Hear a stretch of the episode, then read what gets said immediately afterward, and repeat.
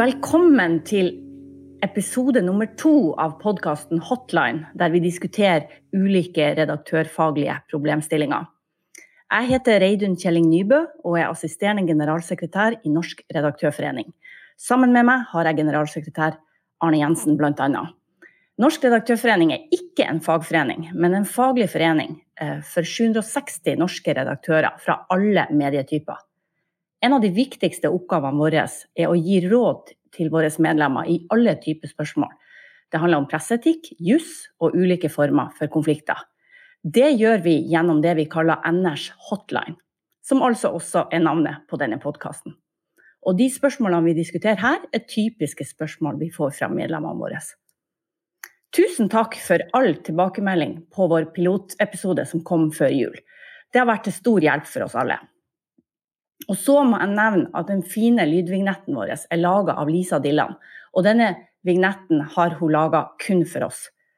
Man kan jo ikke ha en podkast der opphavsrett også vil være tema, der man ikke har, har det opphavsrettslige i orden. Selvfølgelig ikke.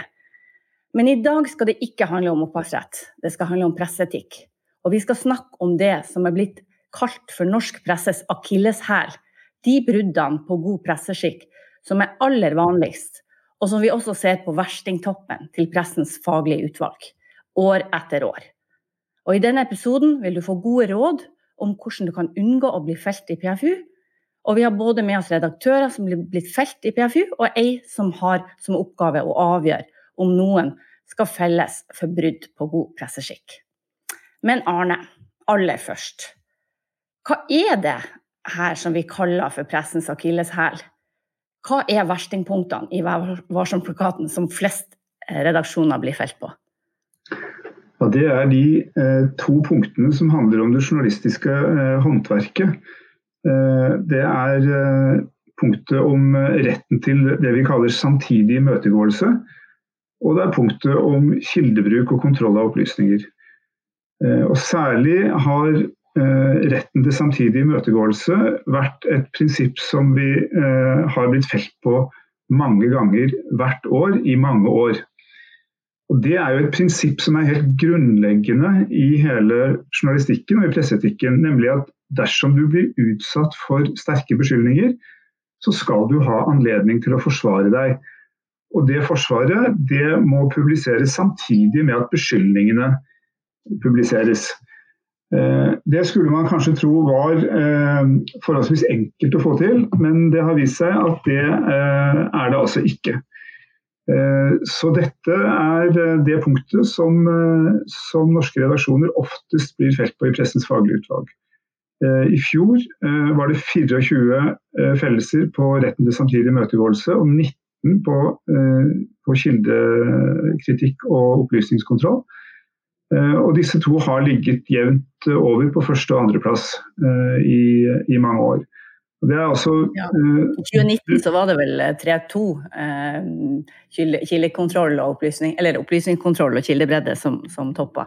Ja, det var det. Og da, det var det en liten dupp på antallet brudd på retten til samtidig imøtegåelse. Da tenkte vi kanskje at ting hadde begynt å bli litt bedre. Og så fikk vi 2020 eh, midt i fleisen, og da var det eh, tilbake igjen.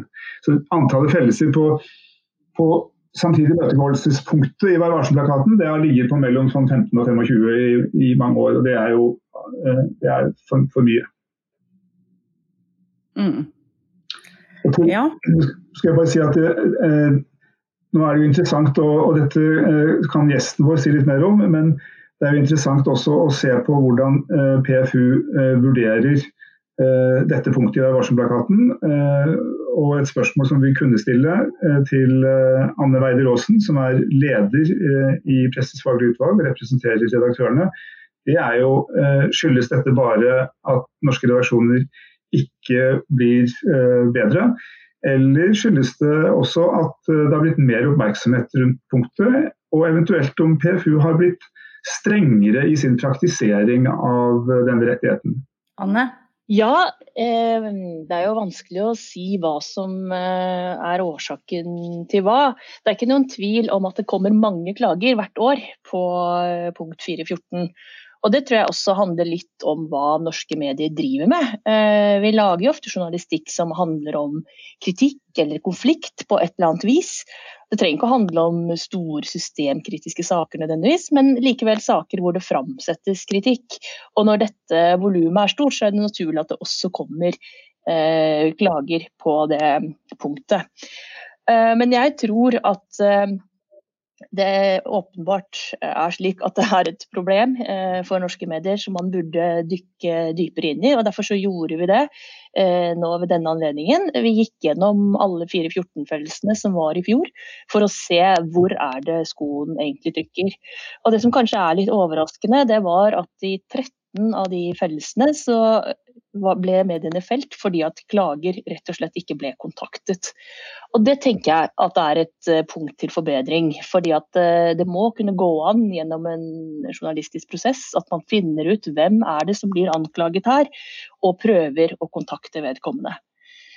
Eh, så så vi at i fem av tilfellene så, hvor mediene ble felt, så var det slik at det konkrete innholdet i beskyldningene ikke var forelagt den anklagende. Det er også den anklagede, mener jeg. Det er også veldig viktig å huske på. At man ikke bare eh, stiller et eh, generelt spørsmål om å få et intervju, eller eh, et generelt spørsmål om en kommentar, men faktisk lar vedkommende få vite hva beskyldningene går ut på. Men det var altså bare fem av fellelsene som handlet om dette. Og så var det slik at tre av fellelsene var at man hadde utelatt imøtegåelsen i oppfølgingsartikler. Og det er jo en, en synd som er veldig lett å falle i. holdt på å si. Det er lett å glemme, men det er viktig å være bevisst på dette. Og I to av tilfellene så var imøtegåelsene ikke tilstrekkelig gjengitt. Og i ett av tilfellene, som var eh, for etermedier, så var det manglende opplysning om at den angrepne part ikke var til stede. Um, disse tingene kan selvfølgelig gå litt over i hverandre, uh, så det er jo ikke noe sånne vanntette skott her. Eh, men eh, jeg syns i hvert fall at det var et tankekors at i hele 13 av disse 24 pelsene så handlet det om at klager rett og slett ikke ble kontaktet. Ja, tror du rett og slett at det handler om dårlig journalistisk håndverk, da? Jeg tror det kan handle om mange ting, og dette tenker jeg at eh, hver redaktør og redaksjon må jo gå gjennom og tenke hva kan man gjøre for å bedre rutinene. Fordi eh, jeg tror at det er ganske enkelt å kunne få ned denne statistikken innen 2022. Jeg tror at man kan innføre rutiner for å sjekke at man faktisk har gitt den angrepne part samtidig imøtegåelse. Man kan sjekke om at, at, man har kontaktet rette vedkommende, ikke bare den man tror er rette vedkommende. Fordi at retten til samtidig imøtegåelse er personlig. Og man kan sjekke og innføre rutiner for at man må forelegge de faktiske opplysningene. Og her er det veldig lurt å f.eks. skrive i en SMS hva, eh, hva, angrepene går ut på. Eh, skrive i mail, da har man også dokumentasjon hvis saken skulle ende i PFU. Mener jeg generelt at det er en lur ting da, å ha skriftlighet og ryddighet, ikke bare med tanke på at man kan eh, ende opp i PFU senere. Eh, og man kan eh, være nøye med desken eh, med at man passer på å ta i, i eller å ivareta imøtegåelser senere når man fortsetter med oppfølgingsartikler, og ha dette med kildebredde høyt oppe på agendaen. Og selvfølgelig etermediene si at det nå er ikke den angrepne part til stede til å forsvare seg. Men egentlig så tror jeg også at det handler om å være bevisst i redaksjonene, eh, i håndverket, på å ikke gå seg blind eh, i sin egen hypotese eller én kildes versjon av sannheten. Det handler om å ikke se seg blind på ett narrativ, eh, men å være åpen for at det kan finnes flere sider av en sak. Og da vil du jo klare å ivareta både 414 om retten til samtidig imøtegåelse, men også 3.2 om kildebredde og kontroll av opplysninger. Og her tenker jeg at uh, norske medier har et potensial til forbedring. Mm. Vi, vi, så jo, vi, så jo, for noen år siden, så, så i 2013, så opprettet Norsk Redaktørforening det som vi kalte for, for 414-skvadronen. som da skulle, som ikke var en angrepsskvadron, men en redningsskvadron som skulle bidra til å få ned antallet fellelser på, på brudd på samtidig møtegåelse. Og I 2013 så var det så vidt jeg husker 33 fellelser på dette punktet. Det var rekordhøyt, aldri vært så mange. Så gikk det ned til 17 år etter, og da tenkte vi at nå er vi i hvert fall på riktig kurs. Eh, og så har det gått litt opp og ned. Eh, det har aldri vært tilbake igjen på det verstingnivået. så de som sier at 414-skvadronen ikke bidro til noe, det er jeg litt usikker på. Jeg tror den gjorde det, men, men det viser seg at det gjenstår mye arbeid. Og Det som forbauser meg mest, det er jo akkurat det som uh, Anne trekker fram her. Uh, at man ikke skjønner at det er en part som må kontaktes. Uh, de andre fellelsene, det, man, eh, det er det lettere å, å, å, forstå. At det, kan bli mangelfullt i forhold til hva som blir fremlagt, eller at man ikke er oppmerksom nok på oppfølgingsartikler osv. Eh, det, er, det er noe så, men det at, man, at redaksjonen ikke skjønner at det er en angrepet part som vi må komme i kontakt med, eller forsøke å få i, i tale, det syns jeg er veldig overraskende. Eh, for det trodde, vi trodde vi var i ferd med å komme oss litt forbi det stadiet. Ja, min personlige teori har i alle år vært at eh, det handler om at vi er konfliktsky. Eh, når f.eks. Anne nevner det her med at man ikke har nevnt godt nok i mange saker hvor hva saken handler om, så er det litt sånn Man har egentlig ikke lyst til å si de her negative tingene, og så tenker man ikke på at det faktisk blir jo publisert. Sånn at man kommer jo bare kilden i forkjøpet og sier noe som senere kommer frem allikevel, og som vedkommende da får anledning til å svare på på en skikkelig måte. Sånn at eh, jeg, jeg, husker da jeg sjøl jobba som nyhetsjournalist og kom på kveldsvakt. og og da lå det ofte sånne samtidige møtegåelsesjobber på Da var det jo mest papiravis. Eh, det handla om. I hvert fall var det hovedmediet. Og da, og da, var det sånn, da ville man heller ha en annen journalist til å ta seg av den liksom, drittjobben da, med å hente inn uh, samtidig imøtegåelse. Hvilket gjorde at journalistikken jo ble dårligere, for mine oppfølgingsspørsmål ble jo også dårligere da. Uh, så jeg, jeg har i hvert fall en teori om det. Der tror jeg du er inne på noe, Reidun. Eh, fordi at eh, man vil jo gjerne som journalist eh, liksom ta sin egen sak i mål og tenke at det er slik det er. Ikke, for, ikke bli så veldig forstyrret av andre konkurrerende mm, synspunkter. Da. Men når man ser nærmere på de 13 sakene hvor klager ikke ble kontaktet, så skal det sies at i seks av dem så mente redaksjonene at det ikke innebar et eh, direkte angrep eh, som utløste 414, men heller at dette handlet om subjektive opplevelser, eh, eller at det ikke var naturlig å kontakte den Eh, angrepne part. Og, vi, og tenkte mer på 415 om tilsvar i ettertid. Sånn at det, det, det, har nok vært litt forvirring om hva det egentlig er som utløser retten til 414. Uh, eh, men så er det også i flere av tilfellene at uh, redaksjonen har ment at ikke beskyldningene blir rettet mot selve klageren. Uh, kanskje at de var anonymisert, eller at det var andre årsaker til at ikke klager hadde noen rett til å komme til orde.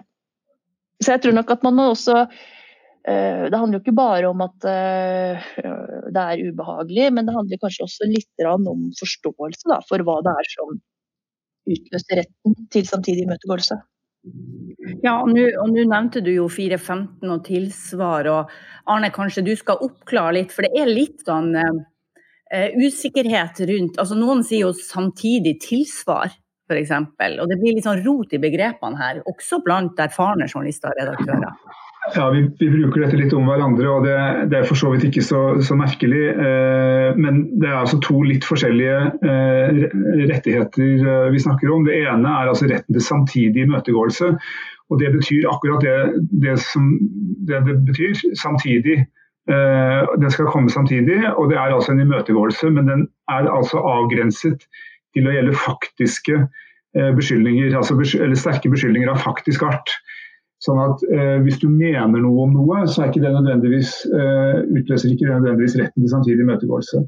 Det andre elementet heter da tilsvar, og det er ikke nødvendigvis, eller ikke samtidig, men det er etterfølgende.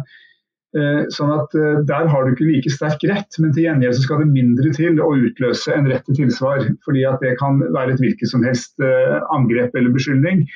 Eh, ikke nødvendigvis av faktisk art. Så disse to elementene treffer litt forskjellig og skal ivareta litt ulike hensyn. Og så synes jo, Sånn vil alltid være, som du er inne på, Anne, at det må alltid være en diskusjon om er det en faktisk beskyldning eller er det en subjektiv mening. Og så syns jeg at man kan være litt gjennomgående prøve å være litt raus fra redaksjonens side på, eh, på, å la folk eh, få komme til orde samtidig. Eh, og så har jeg lyst til å si til det med, til det med konfliktsky at vi, altså, hvis du er virkelig konfliktsky, så er jo, det er jo et spørsmål om journalistyrke eller det å bli redaktør er jobben for deg. Fordi det, det, er, det er, vanskelig å unngå eh, vanskelige saker og, og, og vanskelige samtaler i, i den bransjen vi er i. Mm. En sånn huskeregel som vi bruker når vi holder kurs, det er jo um, f.eks. hvis jeg sier til deg, Arne, at du er en svindler, så utløser det samtidig imøtegåelse fra deg. Men hvis jeg sier at du er en idiot, så får du kun tilsvar. Eh, sånn helt forenkla. Men det kan man jo ha i bakhodet, den type ting. Eh, svindler eh, er en annen opplysning eh, og, og, en påstand om at du har gjort noe galt. Ehm, at du, har, at du har gjort noe ulovlig. Mens idiot er mer en, en meningsutsagn eh, som, som, jeg kan stå friere i å mene. Eh, ja. Eh, tidligere VG-redaktør Bernt Olufsen han antyda i en kommentar av Medie24 i forrige uke at vi kanskje trenger et synderegister over redaktører som ikke klarer å innfri kravet om rett til samtidig imøtegåelse. Tror du Anne at det er veien å gå? det var et morsomt utspill fra Bernt Olufsen. Det var litt uklart for meg om dette synderegisteret først og fremst skulle være til hjelp for publikum, eller om det skulle liksom være disiplinerende internt i Redaktørforeningen. Da. Eh, nå er det jo slik at eh, PFU-statistikken er tilgjengelig for alle. Eh, denne sammenstillingen vi har gjort av disse 24 fellesene, og også hvilke medier det gjelder, som vi også presenterte. Da. Det kan man finne hvis man søker i statistikken på presse.no. Det vil jeg for øvrig anbefale alle å gjøre, for der ligger det mye læring mener jeg da, i disse uttalelsene.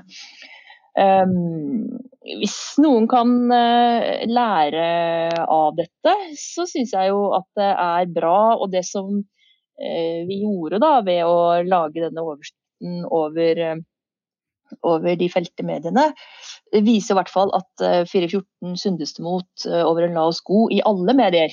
Både i riksmedier, eh, store redaksjoner, små redaksjoner. Forskjellige typer publikasjoner. Sånn at det i hvert fall er noe som absolutt alle bør være bevisst på. Og så tenker jeg Det er jo litt opp til Redaktørforeningen da, å se om man er tjent med å å ha et sånt register med enkeltpersoner. Det kan dere jo tenke litt på. Jeg tror generelt det, at det er ingen redaktører som syns det er veldig gøy å bli felt i PFU. Og det er jo slik når man slutter seg til denne selvmordningen at man forplikter seg til å publisere uttalelsene som kommer fra PFU når man blir felt. Og det er vel ikke Det kunne jo noen tenke at var en slags gapestokk, da, for det står jo på redaksjonell plass eh, i mediene. Eh, det er vel ingen som syns at det er veldig, veldig ærerikt og morsomt. Jeg tror, jeg tror, ikke du skal regne med at det kommer noe initiativ til noe sånn synderegister fra, fra redaktørforeningens, fra redaktørforeningen. At vi skal henge medlemmene våre opp på veggen til spott og spe. Uh, men jeg tror at vi skal fortsette å prøve å lære litt av, av fellesen i PFU. Og det har slått meg nå at hvis vi, hvis vi ser tilbake på statistikken, ikke bare for i år, men også hva som har vært gjennomgangstemaer tidligere, så er det jo hva skal redaktørene gjøre for å unngå dette? Jo, det, da må du altså rett og slett banke inn i, eh, hos deg selv og i, i redaksjonen din eh, en tre-fire eh, huskeregler som folk må ha med seg. Eh, og det er Spørsmål én innebærer eh, er det noe, kritikk, noe reise til kritikk i denne saken som utløser retten til samtidig imøtegåelse. Punkt to, har vi da gjort tilstrekkelige forsøk på å få tak i den som kritikken rettes mot? Og punkt tre, har vi presentert de fullstendige beskyldningene eh, som, eh, som, dette innebærer? Eh, det, er ikke, det, er ikke, astrofysikk. Eh, så må man i neste omgang naturligvis gjengi disse, dette, denne imøtegåelsen på en ordentlig måte. Men det, det følger jo nesten av seg sjøl. Så jeg mener det er ikke så fryktelig, burde ikke være så fryktelig vanskelig å få det til. Jeg er veldig enig med deg i det, Arne. Og jeg syns det er veldig positivt eh, hvis Redaktørforeningen nok en gang eh, setter fokus på dette. Og holder eh, sånne enkle krasjkurs i akkurat de punktene du tar opp. Da. For det er jo som dere var inne på begge to innledningsvis, dette burde jo være egentlig veldig grunnleggende. Ja, og vi skal tenke litt videre. Vi skal tenke høyt sammen med et par av medlemmene våre videre nå. Men foreløpig så sier vi takk til deg Eh, for at du kom hit, Anne Weider Aasen, leder i Pressens faglige utvalg. Tusen takk for at jeg fikk komme.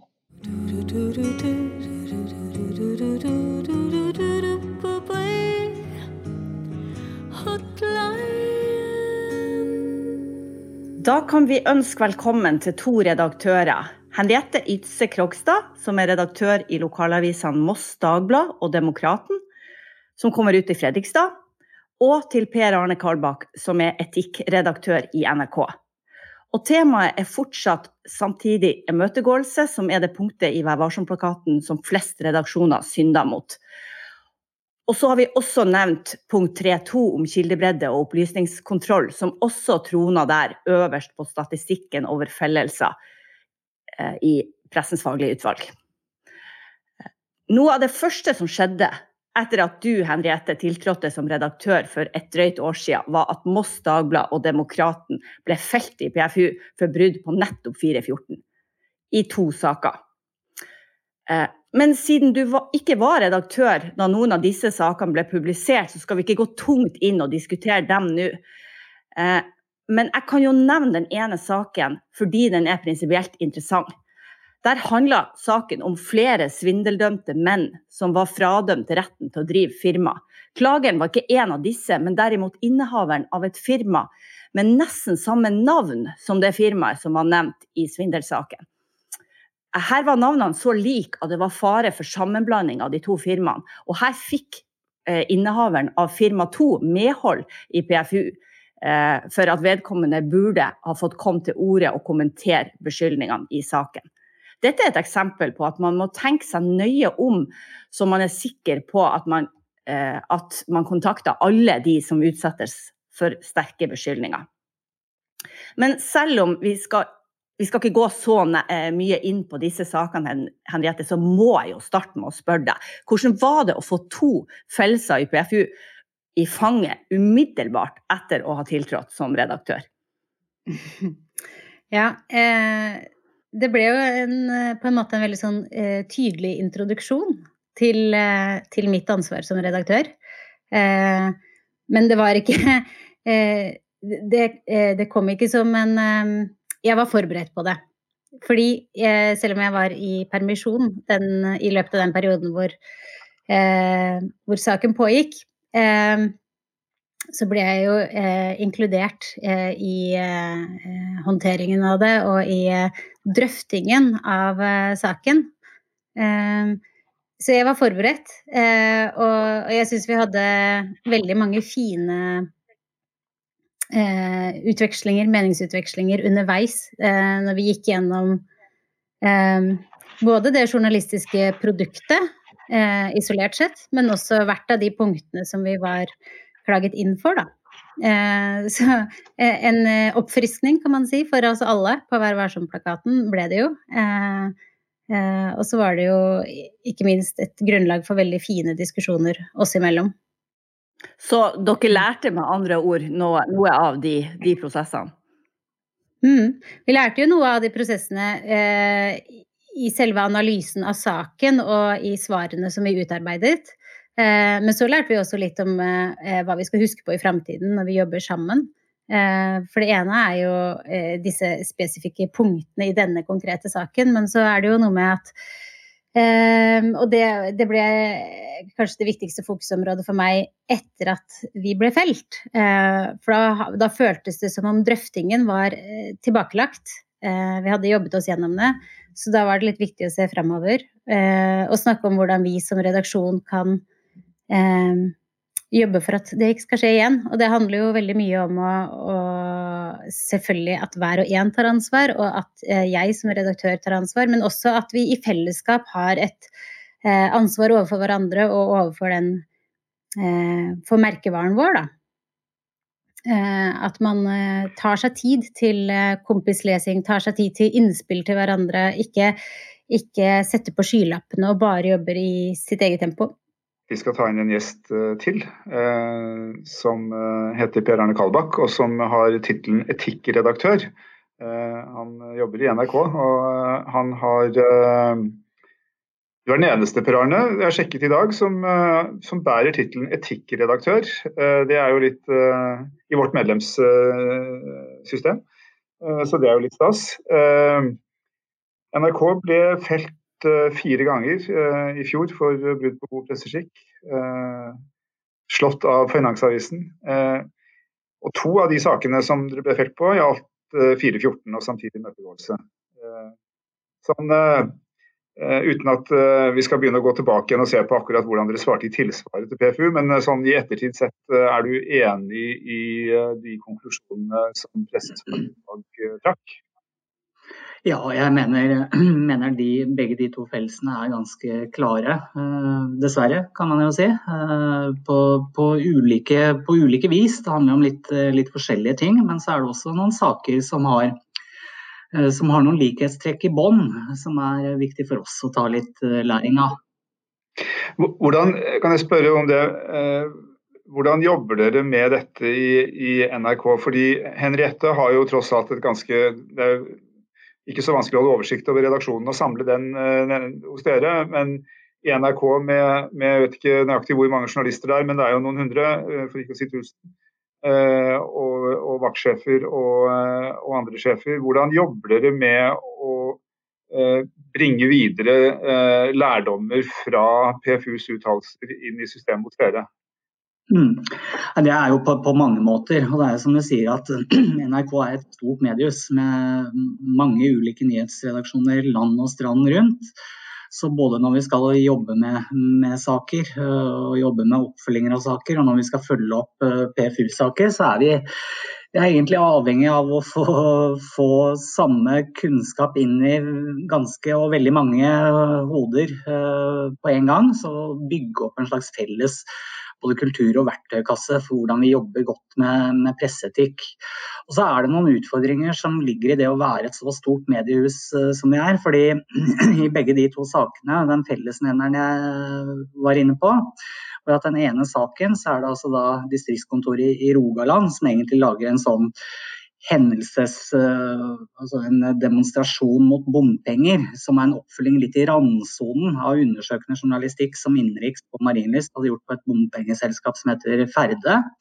Mens den andre var en debattensending som skulle debattere en sak som vakte stort, eh, stor oppsikt. En sak som NRK Rogaland hadde gravd fram om et eh, ja, et uh, tilsyn fra Mattilsynet mot en, uh, mot en minkbonde i Rogaland som hadde gått veldig galt. Vi kan vel være enige om i ettertid. Det førte jo til at direktøren i Mattilsynet gikk av, bl.a. Det vi ser der, i, i, begge de to sakene, er at når journalister som kanskje ikke kjenner saken godt, og som heller ikke har snakket med de som har jobbet fram sakene, da har man ikke oversikt over fakta, og da kan det bli feil. I NRK Rogaland ble det feil på en helgevakt da en aksjonsleder uimotsagt fikk si at uh, for det første kreve at uh, sjefen i bompengeselskapet måtte gå av men grunngi dette ved at eh, NRK hadde avslørt korrupsjon i selskapet.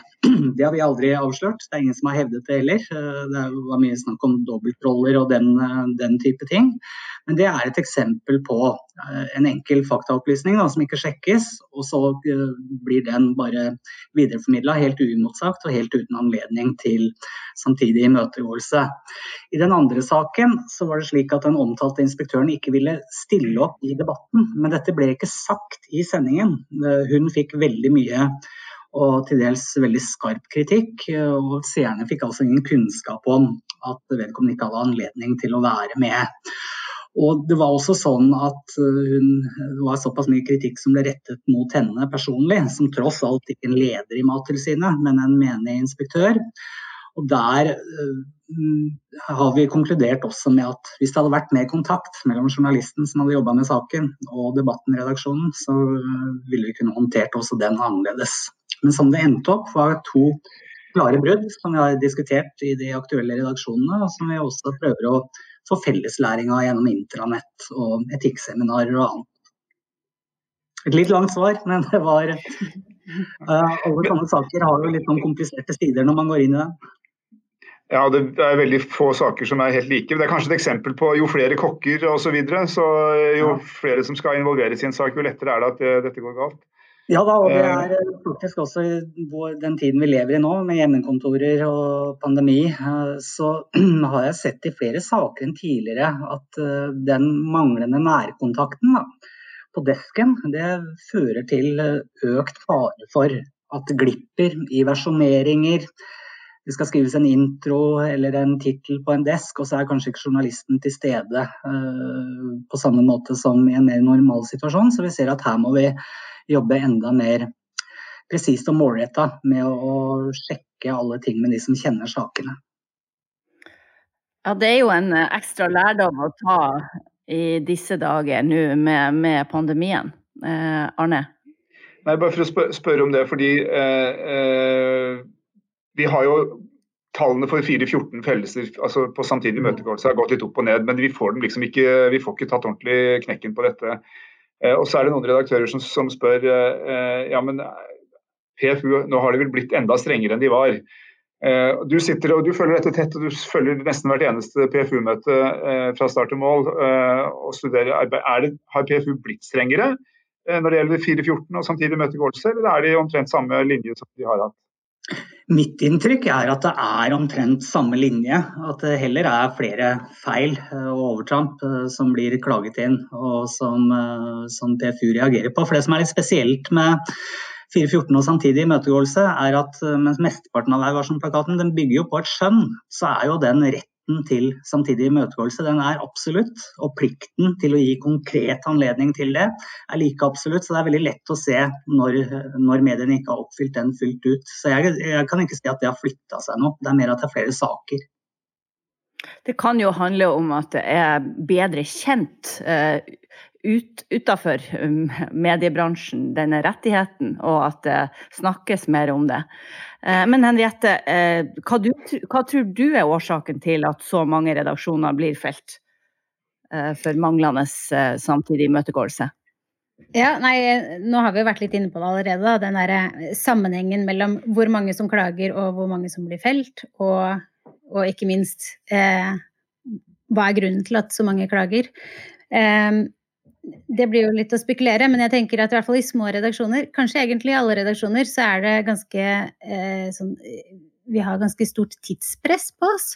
Eh, og jeg ser jo hos oss altså det, man, man, kan miste i, eh, i dette tidspresset det kontrolleddet. Ofte så er det den som skriver saken, som også publiserer saken. Eh, og, at man, eh, og, og, selv når det er eh, flere på jobb, så, så, bør det være sånn at man tar seg tid til den derre eh, kompislesingen eller eh, kontrollen på hverandre. Og den er så veldig lett å bortprioritere i en hektisk hverdag, da, når man har eh, tross alt blitt eh, fått færre ressurser. Tid er en viktig ressurs i det her, tenker jeg. Reidun lanserte tidligere, sa tidligere i sendingen, og dette kan dere jo eh, reflektere rundt begge to. Hun sa at hun trodde at dette handlet om at journalister for ofte er konfliktsky. Altså det å, det å, skulle innhente denne samtidige imøtegåelsen, det, det, er ofte den mest ubehagelige samtalen. fordi at vi har snakket med en kilde som har eh, noe kritikk å komme med, og så skal de som blir utsatt for den kritikken, få lov til å svare for seg. og det er liksom, den, vi, den, den, er ikke så morsom, den telefonen å ta. Eh, er, er det et poeng der?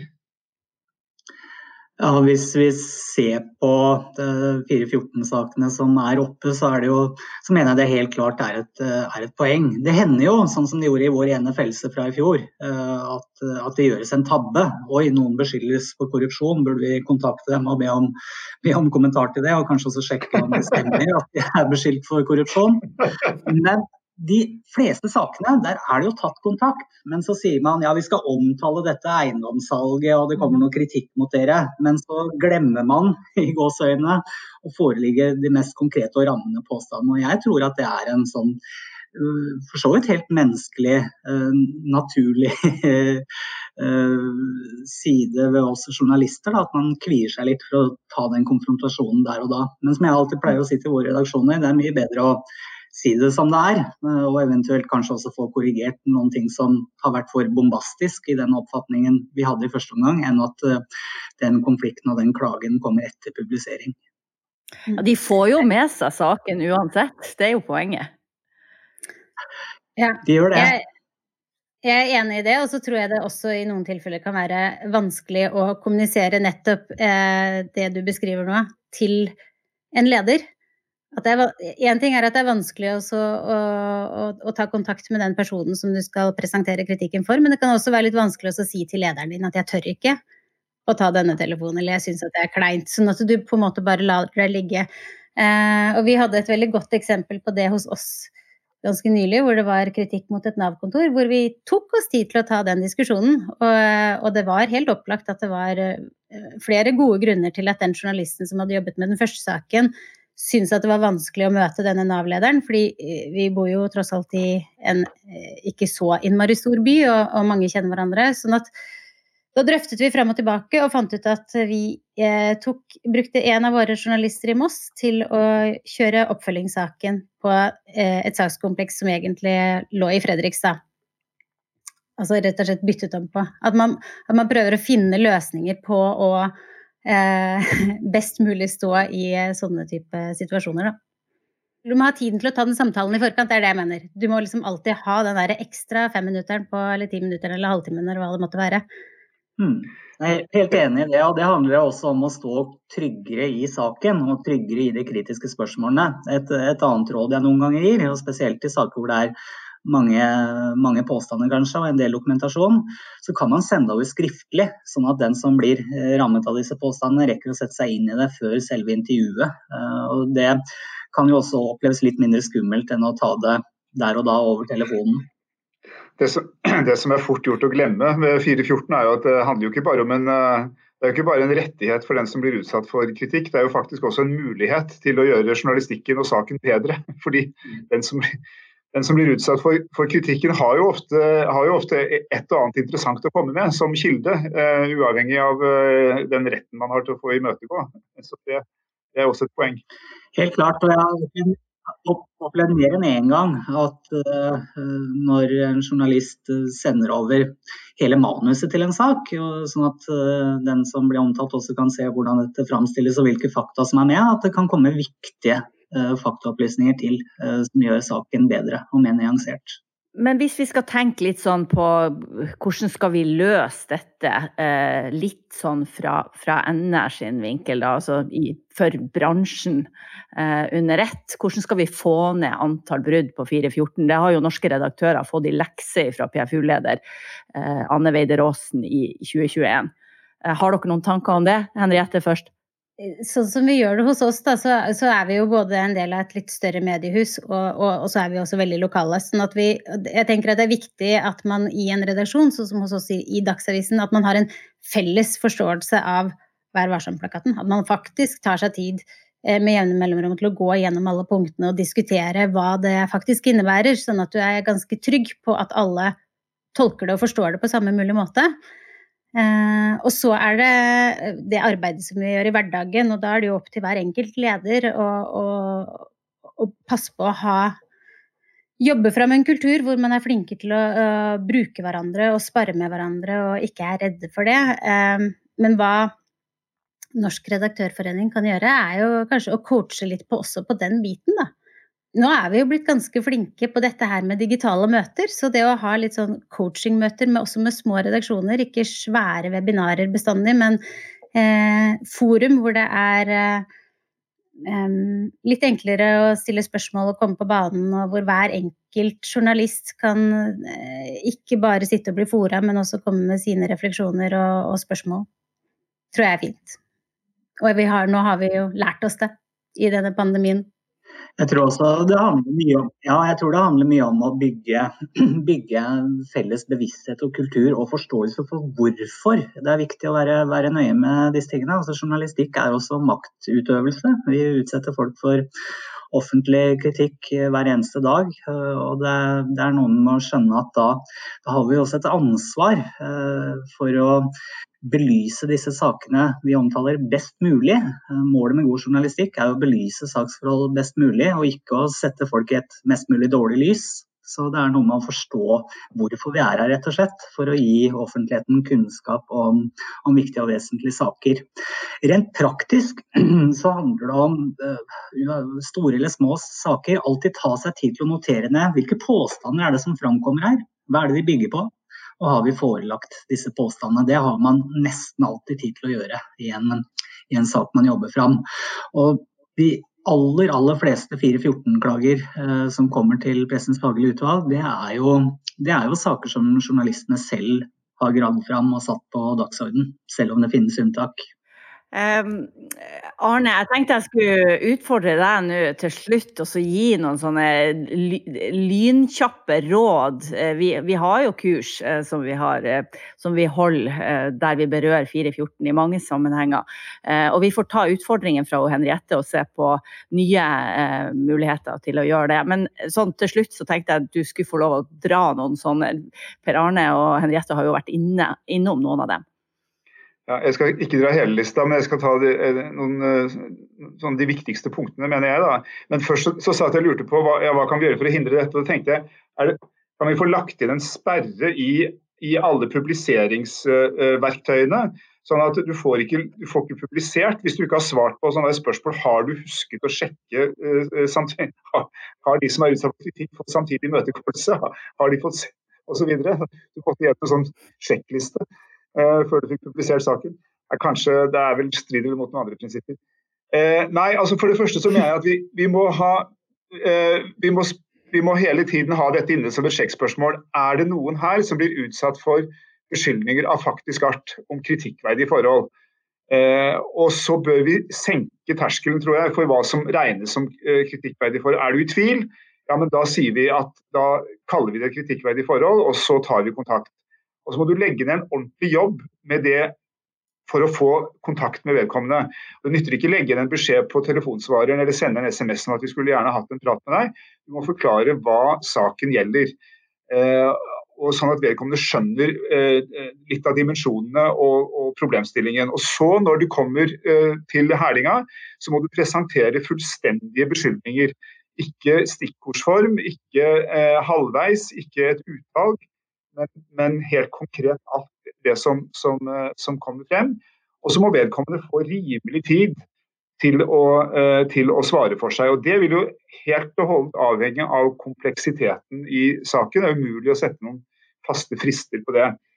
Uh, og så er Det jo sånn, det må man også huske på, at det at vedkommende tidligere har sagt at jeg ønsker ikke å snakke om denne saken, den gjelder ikke, den, det kortet kan du ikke trekke fram igjen neste gang saken omtales vedkommende få en ny sjanse. Eh, det er ikke sikkert det holder å ta kontakt med vedkommendes advokat eh, eller andre. Og det er viktig å huske på hvem som er adressat. Dvs. Si at hvis en lærer eh, som ikke er fullt identifisert, men som kan identifiseres av noen, blir beskyldt for ikke å ha tatt hånd om et mobbeproblem, så er det ikke sikkert det holder å intervjue rektor ved skolen hvis det er læreren som i realiteten blir utsatt for kritikken. Og Sånn kan du lage en masse eksempler på folk som, som uh, svarer for andre, men som ikke er den rette adressaten for retten til samtidig møtegåelse. Det er de viktigste punktene uh, ut fra en veileder som vi nå skal se på i lys av 2020. Og ikke minst se på hvordan vi kan få spredd. Vi må trolig uh, bemanne opp og utruste den gamle 414-skvadronen igjen, som da eh, NB ikke er en angrepsskvadron, men en redningsskvadron. Eh, for å se om vi kan eh, gjøre noe.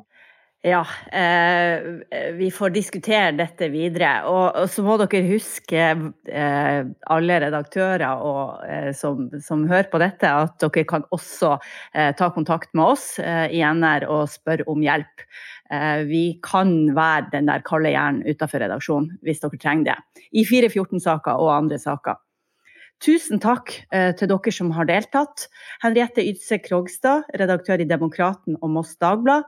Takk til etikkredaktør Per Arne Kalbakk i NRK, og til PFU-leder Anne Weider Aasen i TV 2. Eh, fra Norsk redaktørforening deltok Arne Jensen og Reidun Kjelling Nybø. Og vi blir veldig glad hvis dere har synspunkter på podkasten eller tema dere vil vi skal ta opp. Du finner kontaktinfo til oss på norred.no. Takk for oss. Du, du, du,